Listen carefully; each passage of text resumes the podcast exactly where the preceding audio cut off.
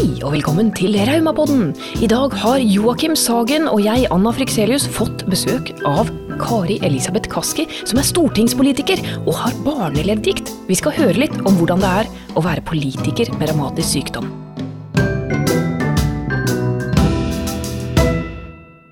Jeg må innrømme at når jeg hører om folk som, eh, som er kjent i offentlig sfære, og eh, som har revmatisk sykdom, så jubler jeg lite grann. Og mannen min syns det er skikkelig rart. Folk, liksom, Når jeg leser i avisen at den og den eh, eh har, har revmatisk sykdom, jeg bare Yes! En av oss! Uhu, en til i gjengen, liksom. Eh, og derfor var jeg spesielt glad da jeg fikk høre at du, Kari Elisabeth Kaski, som er stortingspolitiker for eh, Sosialistisk Venstrepartis Oslo-gruppe, mm. at du faktisk også er en revmatiker. Og velkommen til oss i Raumapodden. Tusen takk. Veldig hyggelig å være her. Det, det er ikke noe jeg liksom jeg, jeg, tror jo at jeg kan på en eller annen måte gjenkjenne folk som har revmatisk sykdom. Jeg hadde aldri gjetta at du var revmatiker, for å si det sånn. Nei, vi har jo ikke sånn merke på oss, så det er jo ikke så lett å se. Ikke og, og, ikke en hvilken som helst eh, person med revmatisk sykdom heller, men en barneleddgikt. Mm. Og det er jo enda mer eh, er Feil å si yes, da, men det er jo en litt sånn sjelden diagnose, ja, egentlig. Da, da jubler Joakim og alle på Burg-kontoret. ja, det er en sjelden diagnose, og det er en ganske mm. alvorlig diagnose. Mm. Ja. ja. Det er uh, 150 i år eller noe som får det. Så. Men uh, hva slags type er det du har? Nei, det har vært litt utvikling, eh, holdt på å si. For det er jo gjerne litt sånn um, I utgangspunktet så var det jo bare en sånn vanlig barneleddgikt, holdt på å si. Som starta i tær og fingre. Uh, mm. Det var der vi merka det først. Tærne var vonde og store, rett og slett. Um, men så har det jo med liksom årene utvikla seg sånn at de, da jeg var i 20-årene, så fikk jeg jo liksom tillegg at det er liksom en Bechdrev komponent der også, da. Mm. Um, fordi at da begynte jeg, og det var egentlig første gang jeg merka de symptomene, at jeg også hadde sånn vondt i brystkasse, rygg. Mm. Uh, det var egentlig noe av det sånn der, Det er jo egentlig enda mer sånn lammende uh, ja. når det blir sånn vondt å puste og sånn, liksom. Så, så, det har vært litt sånn utvikling i det. Mm. Ja. Og, og det eh, jeg blir så imponert, for jeg får inntrykk av at det å sitte på Stortinget, det er ikke akkurat noe ni til fire-jobb.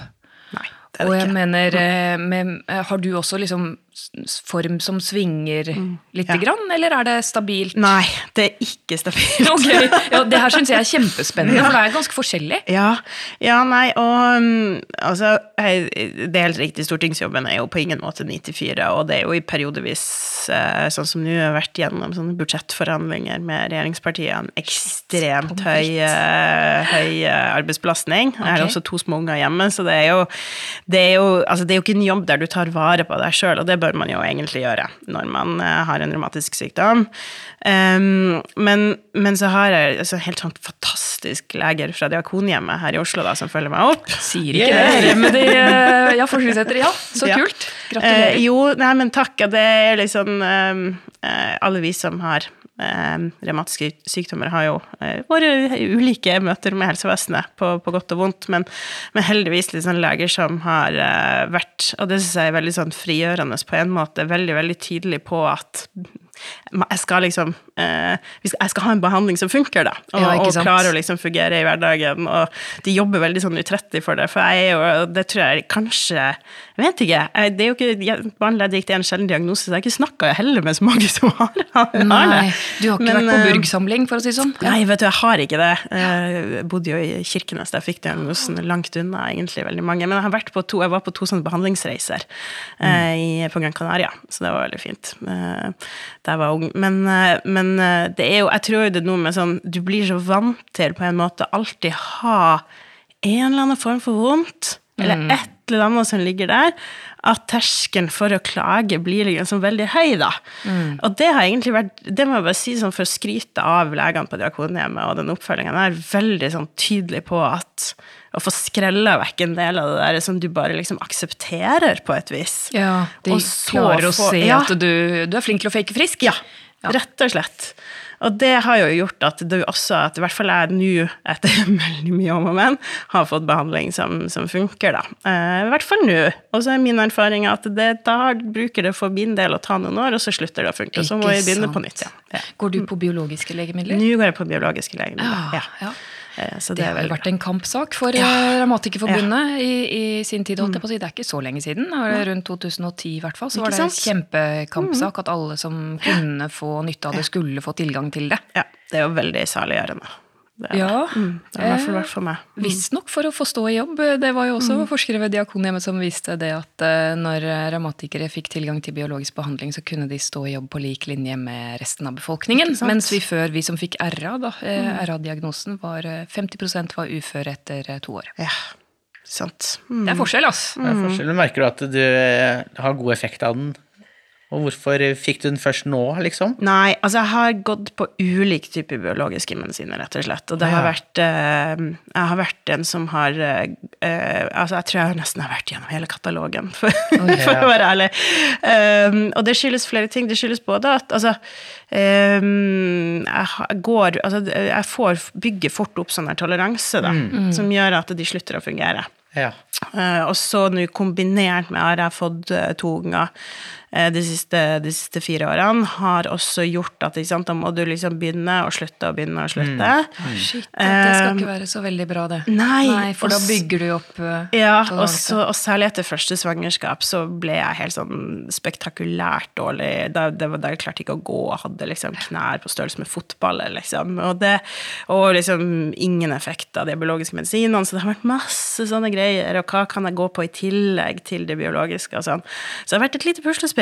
Um, Ja. men eh, men nå Bank i bordet og alt som er. Altså, nå banker vi i alle bordene. det. er Du der hjemme som lytter, bank i bordet for at uh, Kari Lisbeths uh, biologiske legemidler skal fortsette å fungere. Er ikke det speisa liksom forskjellen på ubehandla revmatisk sykdom og behandla revmatisk sykdom? Det er jo ikke liv eller død akkurat, men det er eh, å leve eller å ikke egentlig ha noe særlig liv, da. Ja, det, men det er jo det det er. Og, og det merker du jo når du da får liksom kraftige tilbakefall og kraftige eh, Altså at det er veldig mye sykdomsaktivitet. At altså I verste fall så er det jo liksom altså sånn Særlig da den der liksom Beck-dreven eh, gjorde seg.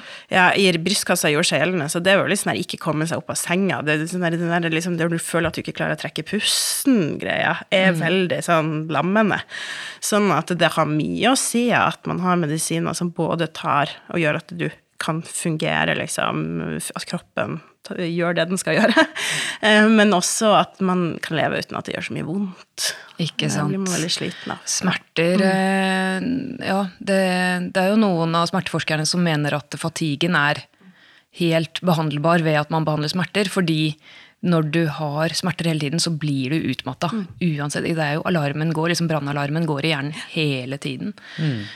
Men, eh, men dette med også barneleddgikt, ja, 150 i året, det er, ganske, det er ganske sjelden. Hvordan var liksom prosessen? Hadde du folk i familien som skjønte hva dette var, eller? Nei, um, altså Litt, fordi at mormor har hatt leddgikt. Ehm, og ikke sånn, altså, ikke, altså Hun har hatt leddgikt hele livet. Mm, sånn at det, ja, ja, sånn at det lå jo litt latent der, at man liksom kjente til det. Um, men, og mamma er sykepleier, men, men i starten så skjønte jo heller ikke hun det. Og jeg var jo litt sånn, altså 13 år er jo egentlig for ung til helt liksom jeg hadde jo ikke hørt om det før, liksom. Men, men jeg husker veldig godt mamma drev og skulle massere de her tærne, liksom. Ufattelig vondt, liksom. Det er sånn som du husker, ikke sant. Ja. Og det var sånn, men da tror jeg man skjønte veldig fort at ok, dette er noe annet, liksom. Ja. Em, og så, når man bor i Finnmark, da, så må man egentlig til Universitetssykehuset i Tromsø for Ja. å få oppfølging revmatolog eller barnelege da, med spesialist. Sånn at da ble det veldig mange flyturer til Tromsø øh, og oppfølging der. Ja. Men, men det fikk jo egentlig veldig god oppfølging på, altså, og, og um, øhm, god, god behandling og, og mye sånn liksom tilrettelegging og oppmerksomhet rundt det. Men, men det som var eh, jeg husker best, var jo liksom at ja, det ble liksom litt sånn at man skulle liksom prøve å tilrettelegge litt, men, men det var jo særlig det der med å eh, få medisiner som funka, sånn at symptomene liksom i all hovedsak forsvant, men òg eh, fikk sånn god oppfølging med sånn fysioterapeut og sånn i Kirkenes, til å bare bli vant til å også gjøre noe bevegelighetstrening og sånne ting, liksom. Og det, man er jo liksom, det er jo litt Du blir jo sånn skille mellom deg og andre jevnaldrende som må holde på sånn, men, men samtidig, ja, bra med eh, å få beskjed om hva man skal gjøre, på en måte. Ja. Eh, Det virker som du fikk ganske rask diagnose, Ja. da, egentlig. Ja. Det er jo Ja. bra, Ja. kan man si, for da, og at det var forståelse for hva det var. Men var det noe du eh, måtte slutte å gjøre, eller følte ikke kunne gjøre lenger, eller bare Nei. Egentlig ikke, og det tror jeg jo handla litt om både min personlighet, men sikkert også om liksom foreldrene mine, og at det var egentlig ikke Det var mer sånn Det er noe litt ekstra her, men Ja. det passa jo litt sånn altså Jeg har jo alltid vært glad i å være aktiv og sånn, så det var på en måte å prøve å putte det inn i det. Det jeg er dårlig til, og som jo jeg fortsatt sliter med, er jo den der hvilekomponenten av det. Å ta det på alvor, liksom. ja. Det har vi vel aldri hørt om noen som har problemer med. Men, eh, men eh, ja, for, for jeg vil jo si, som stortingspolitiker, så, så kan du kalles en høypresterende revmatiker. Ja. Um, fordi det, det å skulle bare det å skulle jobbe, stå i arbeidsliv fullt ut med kronisk sykdom er ille nok, men å stå med, med den typen ansvar, og sikkert veldig mye kommunikasjon eh, til alle døgnets tider, kan jeg tenke meg, da, da er det vel ikke bare medisiner som skal til? Nei, um, det er det ikke, og det har tatt meg mange år å forstå. Sånn, altså En ting er at du blir fortalt at det påvirker deg på andre måter enn de der rent sånne fysiske tingene du merker. For det føler jeg sånn der, sånn, ok, Nå har jeg liksom hovne ledd, jeg halter, det er veldig synlig. Jeg har alltid vært veldig åpen og ærlig om sykdommen min. Jeg halter rundt der, så liksom, ikke noe på en måte, så Det må man bare forklare, eller jeg er jo hos legen hele tida, liksom. Det, må, man jo, liksom. det er ikke noe problem å være åpen om det, men det har tatt lang tid for meg sjøl å liksom også forstå at det påvirker psyken på en måte, og den der, nettopp den der fatigen, og, og at det også slår inn, og det å ta det på alvor og sånn, og det er en litt annen ting, for det er så utrolig lite mm, Det er så uhåndgripelig. Ja, det er det, virkelig. Og Ja. det er som en sånn der indre dialog eh, hvor, hvor man ikke helt vet hvem man snakker med. Så bare sykdommen 'hvem er du', liksom. Hva, hva er det du egentlig gjør? Og det er jo da vi ofte går til legen og ber om å få liksom forklare hva, hva, hvorfor er det sånn. Nettopp. Men, men den her litt sånn tåkete sykdomsopplevelsen og hvordan det påvirker kanskje familielivet også, da. Det, det, det er ikke så lett, altså. Nei. Rett og slett. Men har du inntrykk av at folk forstår hva barneleddgikt er, og Eller må du forklare hele tiden, på en måte? Nei, altså, jeg eh, bruker alltid å forklare liksom litt sånn det er derfor jeg eksempel ja, halter rundt her, eller at det er derfor jeg er hos legen. Eh, men, men folk Altså, det er jo klart, det er jo ikke noe som folk har veldig mye kunnskap om. Jeg sier du at du har man- selv om eh, du ikke har barn lenger? Nei. Det Nei, gjør ikke det, nei. Nei. Og, men folk forbinder jo det med en sykdom som eldre har. Ja. Det gjør Det er det, man ikke jo. sant? Det er det. Du, du ser jo eh, fantastisk ung og, og, og sprudlende ut. Sånn at eh, jeg kan tenke meg at du også får den typen kommentarer som er sånn ja, men du er vel for, for ung til å ha leddgikt. Ja. Absolutt. Uh, definitivt. Og det, det er jo uh, ikke noe som Ja, nei, folk uh, Enten så er det noe som man forbinder at eldre har, eller også har selvfølgelig ulike typer sånne stereotypier knytta til, da. Eh, også ved at du kan liksom være veldig fungerende og likevel ha mye symptomer, eller liksom at sykdommen er veldig aktiv. Sånn at det er jo en del sånn Men det er derfor det har vært viktig for meg å være ærlig om det. At det ikke skal være noe sånn mystisk, liksom. Ja. Hva, hva er da liksom, eh, Jeg hører man skal ha en elevator pitch, eller hvis man har en god idé, så skal man kunne presentere det på 30 sekunder. Og, og jeg som eh, nå triller rullestol eller går med stokk, jeg må ofte forklare for folks spør sånn Å, er du dårlig? Hva er det som er galt med deg, da? Altså bare, ja, brukket ryggen og leddgikt. Det er min liksom elevator pitch. da. Det er litt vanskelig å gå, sier jeg da. Og så, så håper jeg de slutter å spørre. Hva, har du en elevator pitch på sykdommen? Ehm, nei, altså, jeg bruker egentlig bare å si det litt sånn rett ut. Det er sikkert litt sånn finnmarkingen i meg også. Og, og jeg eh, er jo også litt sånn som tenker Altså, jeg gir sikkert litt for mye informasjon, Okay, på en ja. måte. Ja. Ja, heller det, da. Men, men Ja. da sier du da ledddikt, liksom. Ja, jeg sier ledddikt. At Ledddikt og bekkdrev og, og masse greier, Ikke sier jeg. sant. Og liksom vondt i hovne ledd og, og, hele pakka, egentlig. Ja. Jeg, jeg hører jo eh, Det er veldig forskjell på forståelsen også hvis man legger med at det, jeg har en eh, systemisk eller en autoimmun inflammatorisk leddsykdom. Det er ikke alle som skjønner alle ordene der, men da skjønner de at det handler om mer enn bare ett ledd. Ja. For jeg kan få Det litt sånn Å, ja, har du vondt i kneet? Har du prøvd yoga? Det er jo veldig ofte svar på mye forskjellig, i og for seg. Men uh, ja, jeg får mye sånn 'har du senebetennelse'? Ja, ikke For det er sant. sånn Ja. arbeidsrelatert. Prøve å invitere seg selv, liksom, som er forståelig, ja. Mm. ja. Og plassere det sånn. Ja, der, ja. Ja, ja, ja, ja. ja. Dette, ja, nå forstår jeg hva det er. Nei, for åpenhet er jo eh, på en måte fantastisk, også for, for saken vår, da, vil jeg si, Rammatikerforbundet. Det, det å, å normalisere det å ha en leddsykdom og fungere i forskjellige, i forskjellige settinger. Det At vi ikke bare, bare er syke, på en måte, men et helt menneske som også har en sykdom. Og da trenger vi åpenhet. Vi har jo prøvd å invitere han her eh, Jens Stoltenberg Ja, til Raumapodden. sant. Og han, eh, etter at han ble sjef i Nato, har han blitt veldig lite åpen om sin eh, aksialspondylartritt. Men eh, tidligere så har han stilt opp i intervjuer og sånn, da. Det er sant, det. Ja. Ja.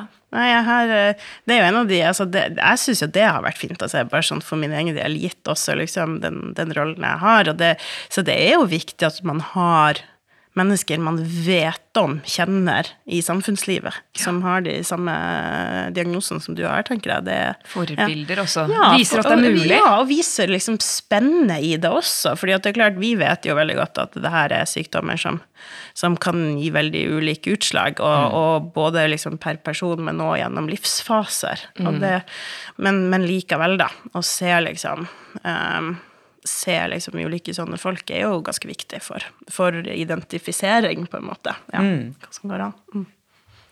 Det er jo eh, en undersøkelse som er gjort for lenge siden, at eh, spesielt eh, unge jenter med barneleddgikt er på en måte er veldig flinke på skolen og satser. Merket du at eller når du har tenkt tilbake at du på en måte Nå skal jeg i hvert fall klare det, liksom. Når jeg Eller, eller skjønner du hva jeg mener? Jo, jeg skjønner hva du mener, og, og jeg tror jo det er et poeng der, altså. Um, fordi, men det, jeg, jeg vet ikke om det gjelder flere barn som får diagnose, relativt alvorlig diagnose når de er nettopp barn, at det, det er jo um, For det første så, så gjør jo det at du blir per definisjon annerledes enn andre barn, og det er jo barn veldig opptatt av. Ja. Så man, man får jo liksom Jeg tenker at i hvert fall det eh, spiller litt inn da. Og så eh, Jeg vet ikke, for min egen del så har det nok vært et element der i at jeg skal klare, liksom. Ja. Ja. Eh, og så er det noen ting jeg ikke kommer til å klare. Eh, jeg blir aldri noen løper. Jeg kan, det, det liksom, jeg kan, ikke, jeg kan ikke løpe, liksom. Det, det tar knekken på, på beina med en gang. Men, men jeg kan gjøre andre ting. Ja, ikke sant. Samme som jeg også. Ja. Ville bli på landslag i langrenn på vinteren og Ja. fotball på sommeren, og så måtte heller studere det teoretiske, da, men med idrett, ikke sant? Ja, det det var de, de der tilpasningene som man også Ja. lærer seg etter hvert, og, bruke interessene sine på en sunn måte. Men Mm. jeg har hørt at det er veldig mye møtevirksomhet i politikken. Og så har du vært politiker siden ungdomstida, eller? eller Nei, eh, jeg ble politiker først holdt på å si, i, i, i eh, ung voksen alder, eh, i 20-årene. Um, Men var liksom aktiv i sånn organisasjonsliv og sivilsamfunn før det, i miljøbevegelsen, eh, der det også er mye eh, møtevirksomhet og stillesittende møtevirksomhet. Og det er jo noe av det, altså sånn, særlig i de periodene der eh, jeg har mye mye sykdomsaktivitet og sånn, så er jo altså det er jo da jeg får skikkelig vondt. Er jo av, av nettopp det å sitte mye og sånn. Um, men, men jeg har jo Det kommer jo litt med alderen, føler jeg, og den tryggheten i å liksom jeg kunne liksom ja, ta litt plass på å reise seg og gjøre sånne ting, og eh, på en måte være eh, Men også prøve å ta litt hensyn. Jeg er veldig dårlig til det, men å, å eh, legge inn alle de der tingene som du bør legge inn Mm. eh, av bevegelighetstrening og sånt for å holde det likevel i sjakk. Det da. må rett og slett prioriteres, ja, for, Å, for å fungere. Nå, som eksempel, du sa du akkurat kommer fra budsjettforhandlinger. Hva innebærer det liksom i praksis? Nei, Av møtevirksomheter møtevirksomheter og jobbtid, på en måte? Så nå har jo de budsjettforhandlingene her har vært i tre uker, og eh, innebærer jo i utgangspunktet ganske mye møter um, i starten, og etter hvert så går det jo over til sånn du sitter egentlig på jobb i møter og forhandlinger da fra morgen til langt på natt. Hadde flere, vi hadde flere natteforhandlinger som varte til klokka tre på natta, så det, det er lite søvn, dårlig mat, um, Uh, og du er liksom fastlåst inne på et sånt møterom, egentlig. Ja. Så det er, jo sånn, det er jo det dårligste man kan gjøre, egentlig. Verre skjebne enn døden, høres Ja, det altså, ut som. Hvem er det som har lyst til å være stortingspolitiker? Noen må gjøre det, da. Ja. Ja. Noen må gjøre det, ja, nemlig. Ja, men det, det høres ikke ut som en sånn spesielt eh, sånn inkluderende arbeidslivssituasjon. Er ikke Stortinget en IA-bedrift? Legger det på en måte opp til fleksitid, at det er greit at jeg kommer liksom til annen time og litt sånn, eller er det forventa at man skal uansett forutsetninger? Å, shit, ja, der er det Ja, ikke det tilpasning, det er litt utfordringa med på en måte både Stortinget, men òg den rollen jeg har, da, er jo at um, det er en del ting der du bare liksom Det er du er helt nødt. Du har ikke Ja. noe valg. Um, og forhandlinger er jo et sånt eksempel. Men så prøver jeg jo sånn i etterkant, så har jeg hatt litt fri, og det kan du egentlig ikke ha som stortingspolitiker, men det bare Det må jeg ta når det har gått tre uker, og jeg har jobba to helger og mange netter, liksom. Um, for å hente meg litt inn igjen. Ehm, både hvile og gå tur ute, se dagslys og sånn. Um, men, men altså, stortingslivet er alt annet enn egentlig sånn inkluderende. På, på måten. ekskluderende arbeidsliv. ja.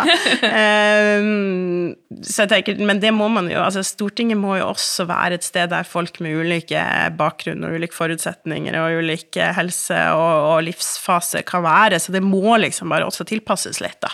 Ja. Uh, både til det med sykdom, men også det med å kombinere Familie. sykdom og familie, ikke Ja, minst. hallo. Ja, det er det. Det er jo mer enn nok. Og du Ja. sier du at to barn under fire. Det, det syns jeg er kjempespennende, da, å møte andre kvinner med, med inflammatorisk leddgikt som har gått gjennom svangerskap, for det, det, det fungerer så forskjellig. Da jeg ble gravid og jeg hadde to på rappen med 18 måneder imellom, så var jeg så frisk som jeg aldri har vært noensinne i livet. De hormonene, det var bare sånn, kan jeg fortsette? Det var sånn, hadde jeg vært yngre, så hadde jeg bare fortsatt å få barn, liksom. For de hormonene gjorde meg så frisk. Eh, men, men hvordan var det for deg? Nei, det var helt motsatt. Helt motsatt, ikke sant? Altså, hallo, det er ikke logisk, liksom. Nei, eh, virkelig, altså. Og jeg også leste jo de sakene, og legene var sånn Ja, mange blir bedre når de er gravid. Ja. Ikke jeg! Ikke du, nei. Mm.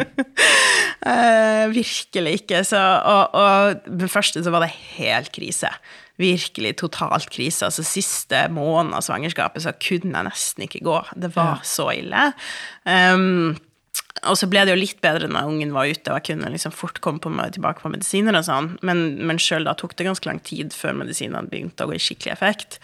Så med nummer to så laga vi et sånn helt lite regime, og jeg fikk sånn spesialtillatelse til å gå på medisiner lenger ut i svangerskapet, og, og ikke sant, det ble liksom gjort masse, så det var bedre, men det var fortsatt ikke det var ikke fortsatt ikke liksom fantastisk. Ja. Mm. Men had, var du stortingspolitiker da, eller hadde du en annen jobb? Oi, shit, pommes frites. Ja.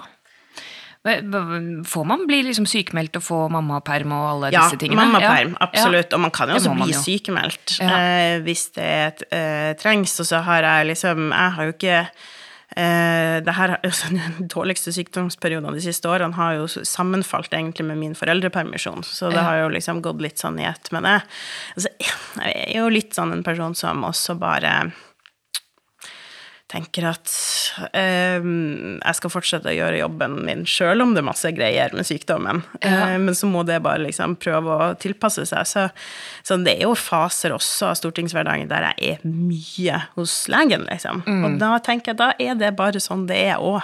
Så Ja. må det liksom kunne være litt. Ja.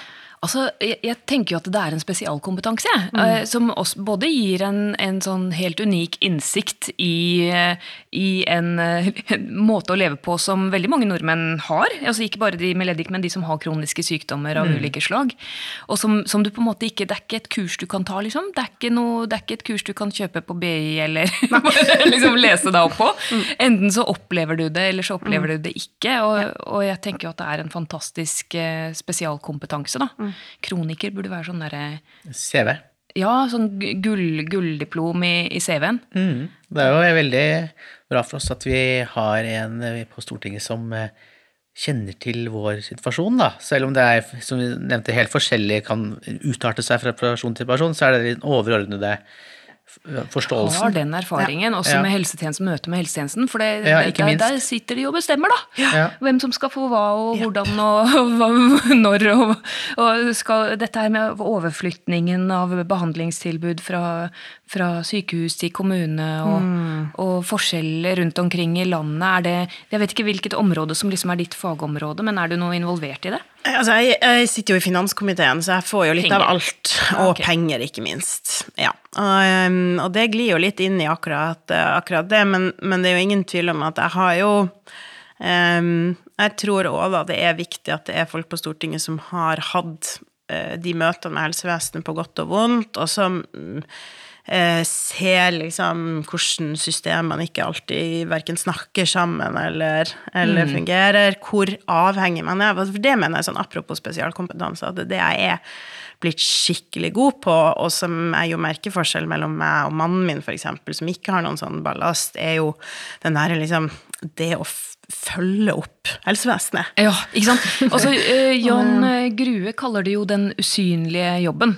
eh, som, sk som skriver om det å, å leve med, med kronisk sykdom og funksjonshemming som, som det, det, Vi snakker om første skifte, arbeidsskifte, andre skifte i husarbeidet, tredje skifte, all planlegging. Og så har Ja. vi det fjerde skiftet, Ja. kronikerskiftet, som er å koordinere behandling og, og tjenester. Ja, og det er jo um, det, det har jeg tenkt på mange ganger også i det politiske virket, at det å liksom jobbe for eh, at et, man får et helsevesen der det er mindre av den jobben der, da. At du um, både liksom får eh, mindre sånn oppfølgingsbehov sjøl, som jo altså det er, fungerer så urettferdig, for det, er jo de ressurssterke, og, og jo sykere du er, jo mer må du følge opp, og det er nettopp den belastninga man ikke trenger, på et vis. Ikke sant? Sånn, um, sånn at systemene prater sammen, og noe med hvordan helsevesenet møter deg også når du er på ditt mest sårbare.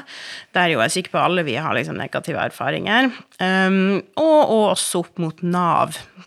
Merk at jeg er helt ja. stille nå. Det er ingen negativ erfaring. Hva da, negative erfaringer? Men Nav, ja, altså eh, Skrekk og, og gru. Nå, Ja. nå, jeg driver og skriver en eh, søknad, det er ikke til Nav, faktisk. Jeg driver og skriver en søknad til Oslo kommune om okay. å få fornyet HC-kort. Jeg rullestolbruker. rullestolbruker. Eh, ja, jeg kan gå, og i perioder kan jeg gå en del, men, eh, men nå mindre og mindre og mindre. Så nå er det sånn bare Nå klarer jeg å gå opp denne trappen, og det er det. Eh, og ikke bare på gode dager. Sånn at, eh, Og rullestolsbrukere i Oslo sentrum, jeg må si det er så vanskelig. For det er så mye bakker, og det er så mye dør, og det er så mye terskler, og det er så mye Overalt, liksom. Så er det vanskelig å komme frem. Og den søknaden, for nå har jeg hatt dette kortet helt siden jeg brakk ryggen. Eh, sånn at jeg fikk det veldig lett de første gangene. Og så har det blitt vanskeligere og vanskeligere. vanskeligere. Nå, nå er det, altså, det, er som en, det er vanskeligere enn en masteroppgave å søke det HC-kortet. Og det er så mye vedlegg, og det er så mye dokumentasjon. at det er liksom bare jeg, skal, jeg skal få dette kortet fordi det skal gjøre det mulig for meg å stå i jobb liksom, og fungere i hverdagen. Jeg har små barn og trene og sånn. Det skal ikke være noe som må bruke en måneds arbeidstid på. liksom. Nei, men det er akkurat det. Eh, Men det er jo prega av tenker jeg, en, offentlig, eh, en offentlig sektor som ikke eh, har tillit.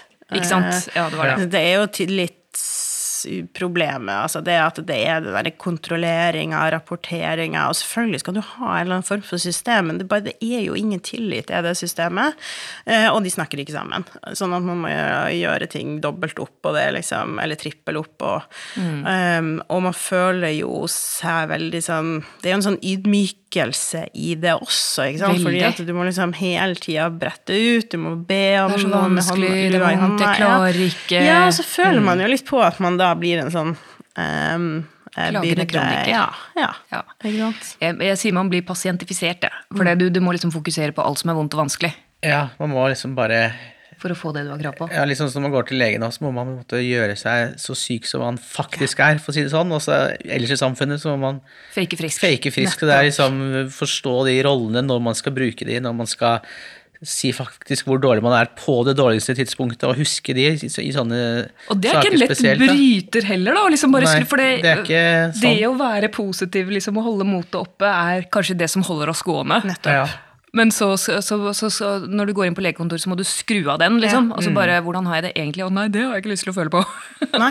Nei, men det der, og det der når helsevesenet er på sitt mest beste, da, som jeg eh, har vært så heldig å få oppleve òg, at du får leger som faktisk går inn og hjelper deg med det, eh, og som liksom spør de der spørsmålene som gjør at du får liksom vist fram hvordan det er. Um, men, men så har du de andre systemene igjen, som ikke liksom følger opp det nødvendigvis, da. Det, men det tror jeg jo kanskje òg, eller jeg vet ikke, dette er ren spekulasjon, men da jeg vokste opp i Kirkenes, så var jo det kanskje også litt lettere fordi det er en mindre kommune med kortere avstand, på et vis, til at jeg fikk veldig lett fysioterapi, eksempel.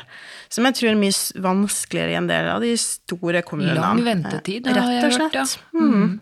Lang ventetid og eh, Uh, og at det er jo, det tror jeg også det har skjedd da de siste årene, blitt enda mer sånn. Det er kommet mer skjemaer og mer rapportering og, og krav. og- Ja.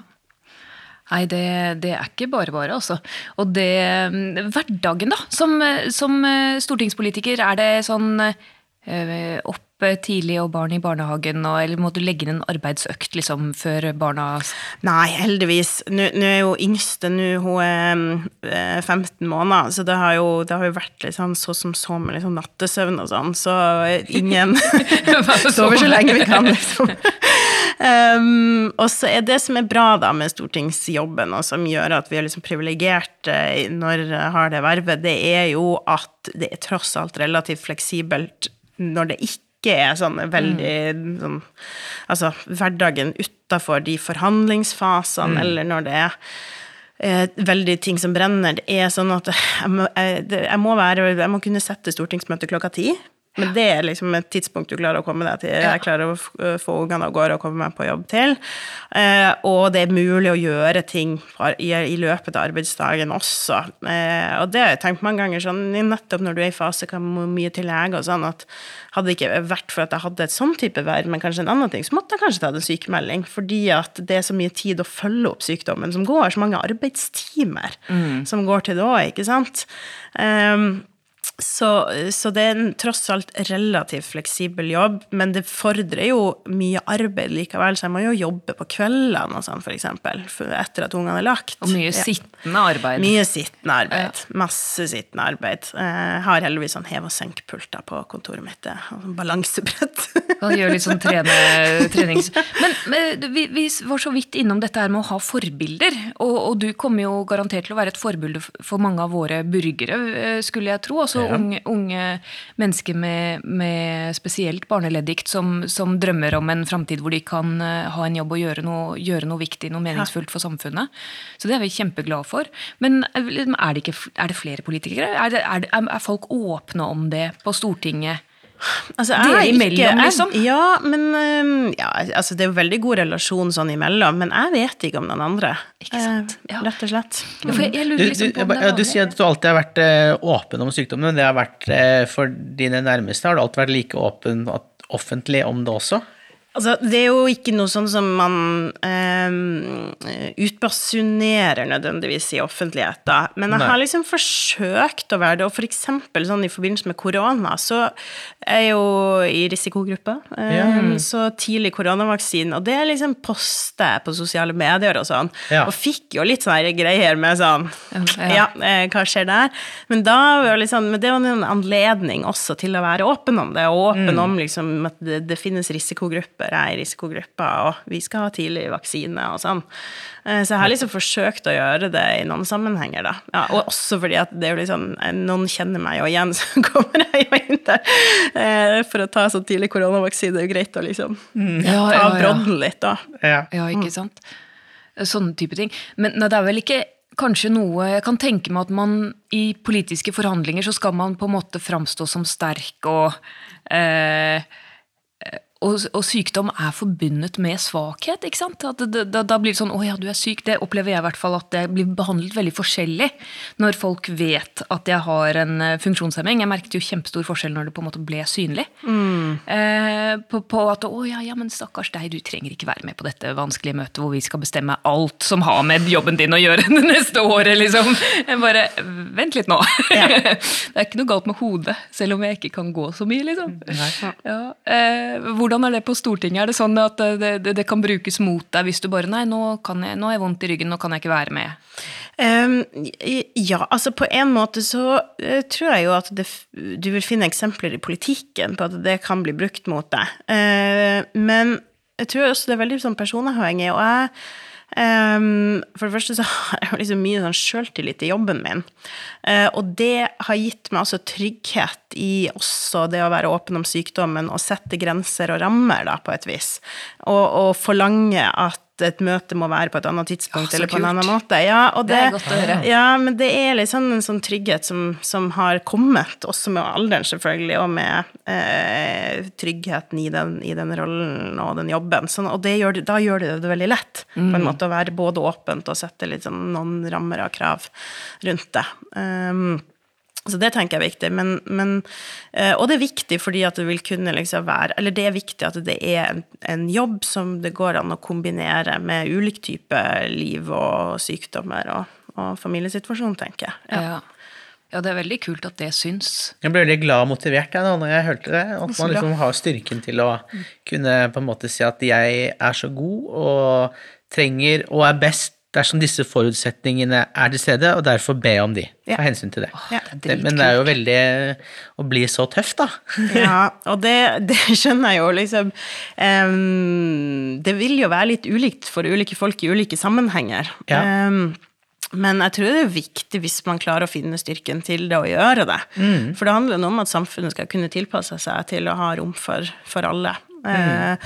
og, og, eh, ja, om man så må alliere seg med noen da, for å få nettopp kunne gjort det, og likevel liksom eh, faktisk sette opp disse stolpene. Jeg tenker på det litt som det, da. For det, det, det, er nettopp å skape det rommet for at du skal kunne fungere og gjøre jobben. Ja. Og noen av de tilpasningene er vel kanskje til og med lovpålagt i forhold til universelle utformer. Ja. ja. Inkluderende arbeidsliv. Rett og slett. Ja. ja. Ja, takk og lov for det. Ja, ja og sånn som mulighet til å ha behandling, eh, gå til legen i, i arbeidstiden og, og, og, kanskje også trene i arbeidstiden eh, til viss grad eh, der det, der det er mulig og nødvendig. Nettopp. Sånne ja. ting som gjør at vi faktisk fungerer. Mm. Ja. Vi er heldige, altså, som lever i et land hvor det faktisk er mulig. Men men jeg blir veldig motivert av å se at det er eh, folk på Stortinget som, eh, som, eh, som er revmatikere og vet hvordan dette er. Så tusen takk for at du tok deg tiden til å komme hit til oss i dag. Takk for at jeg fikk komme. Tusen takk.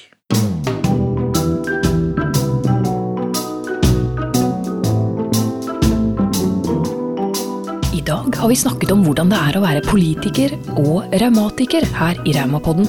Og som vanlig er det Podmaster som har fiksa lyden.